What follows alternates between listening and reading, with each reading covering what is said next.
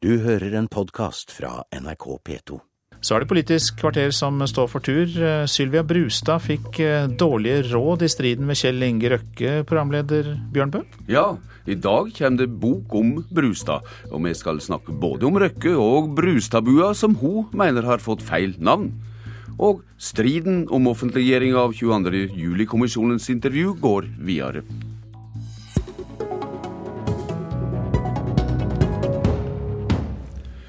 Fylkesmann, statsråd i fire departement, 20 år på Stortinget og ennå bare 45 år. I dag kommer boka om deg, Sylvia Brustad. Velkommen i studio. Tusen takk. I partiets tjeneste er undertittelen.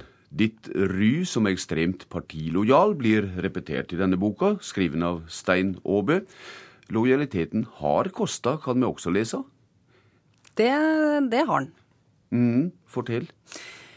Det er klart at Jeg mener jo for det første at, he, at det å være lojal er en hedersbetegnelse. Eh, men jeg må nok erkjenne, når jeg ser litt tilbake på 30 år i politikken og 20 år på riksplan, som du sier, at noen ganger har jeg vært for lojal, kanskje. Eh, åpningstidsloven er ett eksempel på det. Eh, og jeg skulle nok kanskje også sikra meg at jeg hadde noen ved sida av meg når det blåste som eh, mest. Men, Eh, men kommer tilbake konkret til dette, men du har også blitt kalla kjedelig. Ja, Det mener jo jeg er helt feil. Eh, og jeg syns jo det er utrolig herlig å kunne få lov til å skrive min historie sammen med ført i penna av Stein Aabø eh, om hvordan ting egentlig var. Jeg føler meg overhodet ikke kjedelig. Kjedelig var det iallfall sannelig ikke i konflikten med Kjell Inge Røkke våren 2009. Her er Røkke 22. april i det året. Jeg har problemer til å forholde meg til når en næringsminister sier 'jeg er forbanna'. Jeg er forbanna. Hun er frustrert og irritert.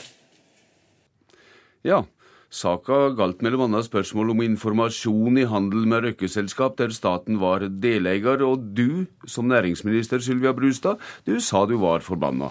Nå forteller du i boka at du fikk både faktisk tvilsomme og dårlige råd fra statsministerens kontor. Hvem var det som førte deg på ville veier? Ja, jeg skriver vel ikke at jeg fikk dårlig råd fra statsministerens kontor, men det jeg skriver og sier i boka, er at alt jeg foretok meg i den saken, var i nært samspill med statsministerens kontor. Og de juridiske rådene, altså om det var nødvendig å ha generalforsamling ved overføring av disse transaksjonene, eh, det var, viste seg å være meget omdiskutert. Og det viste seg også etter den pressekonferansen jeg hadde den berømmelige påsken, som Røkke her da kommenterte noe senere, at det var en del informasjon som jeg ikke hadde fått, som jeg burde ha fått. Men alt er selvsagt mitt ansvar uansett. Men eh, hvordan kjente du deg pressa da, til å ta denne konfronterende tonen i denne saka? Vi må huske på det bakteppet som var. For det første var det mange som var kritiske til at staten i det hele tatt i si tid gikk inn i Aker. Eh, Og for det andre så hadde statsministeren bare et par dager før denne saken kom opp i media, vært på Akerdagen sammen med Kjell Inge Røkke. Og det var litt sånn derre Er det noe samrøre her-greier som virra i lufta? Og det var en meget pågående opposisjon. Jeg har aldri opplevd maken. Og en meget pågående presse. Og det må også ses i det lyset. eh, Men, men det er klart, hadde det vært i dag så hadde jeg nok allikevel, eh, tror jeg, eh, brukt litt bedre tid og forsikra meg enda mer om de rådene jeg hadde fått, var riktig. Hvor sterke råd fikk du beinvegges fra en ferierende statsminister Stoltenberg om den konfronterende håndteringa du gjennomførte? Jeg hadde jo veldig tett kontakt med statsminister Jens Stoltenberg når han var på sin ferie, men det var jo først og fremst de som eh, var på statsministerens kontor jeg hadde den daglige kontakten med. Og, Og, som navnet sagt- på deg er Ja, Carl Eirik Skjøtt Pedersen var jo den som eh, styrte på statsministerens kontor. Så alt jeg foretok meg i den saken, var jo i nært samarbeid og samspill med de. Etterpå ble det slutta fred. Eh, Noen mente at du pingla ut av hele saka. Din etterfølger Trond Giske gjorde ei gjerning uten å informere deg, og den gjerninga det var en slags fredsslutning eh, langt borte i det fjerne Østen. Hvorfor var du lei deg for det? Jeg syns på en måte at det var rett og slett dårlig gjort. Han kunne for det første ha informert meg om hva han gjorde borti der, eh, og at ikke jeg fikk sett det på TV-en eller hørt det på, på radioen. Eh, og dessuten var jo han også medlem av den regjeringen vi begge var, som sto bak eh, hvordan vi håndterte denne saken i denne striden. Jeg vil også si at jeg ble, etter dette var over, invitert til Kjell Inge Røkke, og vi har skværa opp og er vel forlikt i dag. Denne ble med og ble liksom din sorti fra rikspolitikken? den? Ja, den ble vel kanskje det. Og det er klart at uh, det er i hvert fall viktig for meg da å beskrive hvordan jeg mener denne saken egentlig var, uh, slik vi gjør det i boka. Ditt navn er ellers uløselig knytt til handelsnæringa. Brustadbua, den søndagsåpne 100 kvadratmeteren som du så vidt var innom her innledningsvis. Men den har feil navn, sier du nå. Hva burde den hett? Ja, den burde jo het uh, Sture Arntzen eller Arntzen-bua eller Jaglandbua eller Haagensen-bua. Det var jo i virkeligheten et uh, veldig hardt press fra fagbevegelsen særlig for å få til nye ordninger innenfor dette regelverket. Og det ble jo en sak som ble latterliggjort, følte jeg, i store deler av Medie-Norge og har fulgt meg i veldig mange år etterpå. Og jeg følte jeg sto veldig alene i den stormen, i den offentlige stormen som ja, var. Du var barne- og familieminister i Torbjørn Torbjørn Jaglands regjering, og du skildrer en statsminister og en LO-leder som smatt ut reveutganger da det storma som verst. Hvor sviken kjenner du deg av disse? Ja, Husk på, jeg var 29 år eh, da jeg ble statsråd, og da vi holdt på med dette. og Eh, og det ble en veldig tøff sak. Og, det som var trist med det også, var jo at det overskygga mange andre viktige saker som jeg syns var enda viktigere.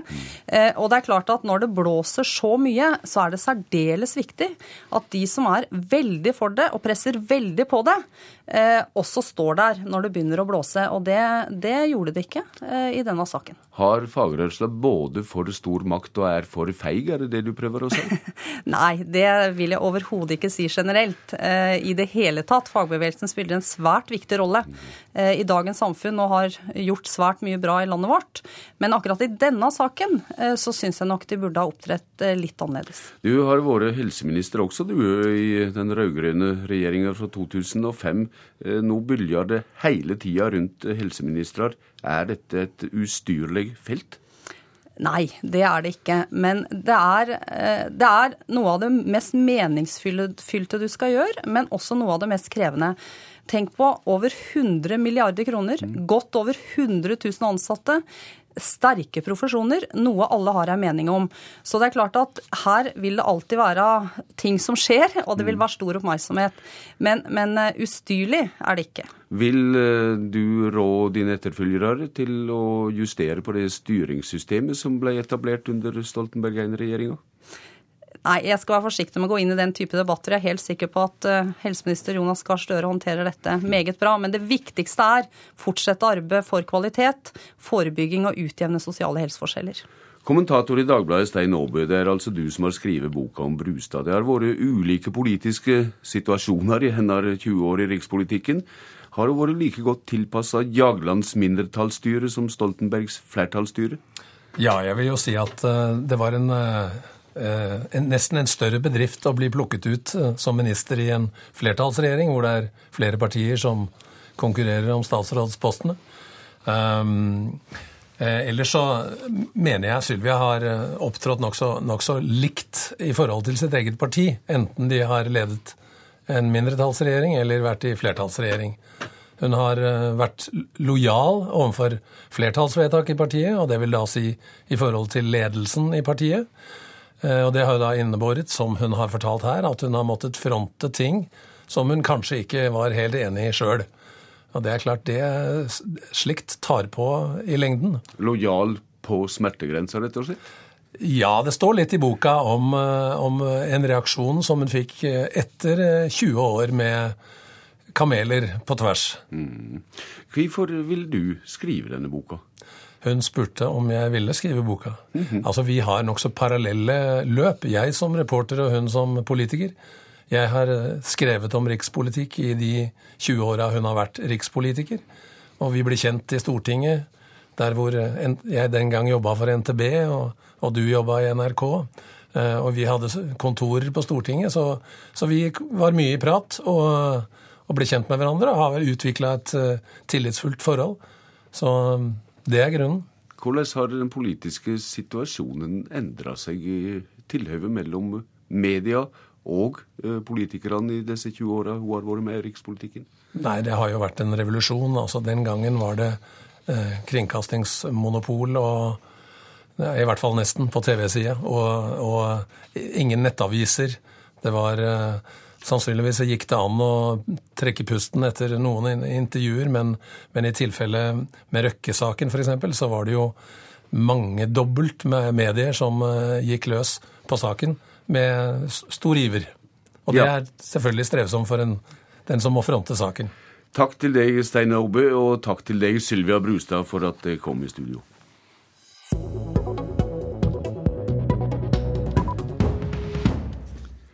Det finnes ikke juridisk heimel for å stanse offentliggjøring av alle intervjuer med embetsfolk og andre ansatte som ble gjort av 22. juli-kommisjonen. Det mener Norges fremste ekspert på offentlig rett, professor Fridtjof Bernt, har vi hørt i Dagsnytt i dag. Han mener kulturminister Hadia Tajik må offentliggjøre alt. Ja, jeg mener at det er gode juridiske grunner som sier at hun eh, har plikt til det. Før Hadia Tajik ble utnevnt som kulturminister forrige fredag, hadde hennes forgjenger nettopp offentliggjort statsrådenes forklaringer til 22. juli-kommisjonen. Jusprofessor Fridtjof Bernt mener hensynet til offentlighetens behov for å vite hva som skjedde da terroren rammet Norge, må veie like tungt når det gjelder embetsmenn. Man skal praktisere merinnsyn i situasjoner hvor hensynet til offentlighetens innsynsbehov må veie tyngre enn forvaltningens behov for å skjerme opplysningene. Tajik, som selv er utdannet jurist, ønsker ikke å kommentere jusprofessorens kritikk. Hun sier saken er ferdigbehandlet i Kulturdepartementet, og viser til sin tidligere uttalelse til NRK. Vi har gjort en grundig vurdering. Den har vært juridisk, den har vært prinsipiell, eh, og vår beslutning står ved lag. Tajik vil ikke ta hensyn til at flere embetsmenn har bedt om at deres forklaringer offentliggjøres. Jeg har stor respekt for eh, disse synspunktene, og jeg har forståelse for den diskusjonen som eh, kommer. Eh, men dette handler ikke om hva enkeltrepresentanter fra embetsverket mener, men om embetsverkets rolle som sådan. Jusprofessor Bernt på sin side mener offentliggjøringen av statsrådenes forklaringer gir en større grunn til å offentliggjøre alt. Flere av statsrådene kom nemlig med kritikk av embetsverk og politi. I dag står denne kritikken umotsagt av de som blir rammet hardest av kritikken. Det er ikke særlig smart i en sak hvor man nå har fått eh, sett med saksfremstillinger fra de øverste statsråder, at man da i neste omgang skal si at publikum ikke får noen mulighet til å kontrollere om eh, det her er andre synspunkter som er kommet frem fra ledende embetsmenn. Fridtjof Bernt til reporter Berit Aalborg. Leder i kontrollkomiteen i Stortinget, Anders Anundsen fra Fremskrittspartiet. Hva sier du om jusprofessorens resonnement her? Jeg syns det er mange gode poeng i det resonnementet. Og vi må huske også at bakteppet her er at uh, Gjørv-kommisjonen i sin tid ba jo om å få et eksplisitt unntak fra offentlighetsloven. Det fikk de ikke. Og Det betyr jo at offentlighetsloven gjelder fullt ut. Eh, basert på de forklaringene vi allerede har lest, så fremgår det også som at de ikke, de som har blitt spurt, uten at jeg vet om det er tilfellet for embetsverket eller ikke, men at de ikke er blitt lovet noen form for, eh, for, hemmelighold, og at det kan bli offentliggjøring eh, av de forklaringene som gis. Ja. Men, men, nå, men, nå, snakker statsråden om et prinsipielt grunnlag for å avgjøre om å skilje mellom politikere og embetsfolk. Hva sier du til det? Ja, Der mener jeg at statsråden kanskje kan blande litt. For det ene er at uh, embetsverket ble frigitt fra lojalitetsplikten sin. Uh, det er jo ingenting som påvirker forhold til offentlighetsloven.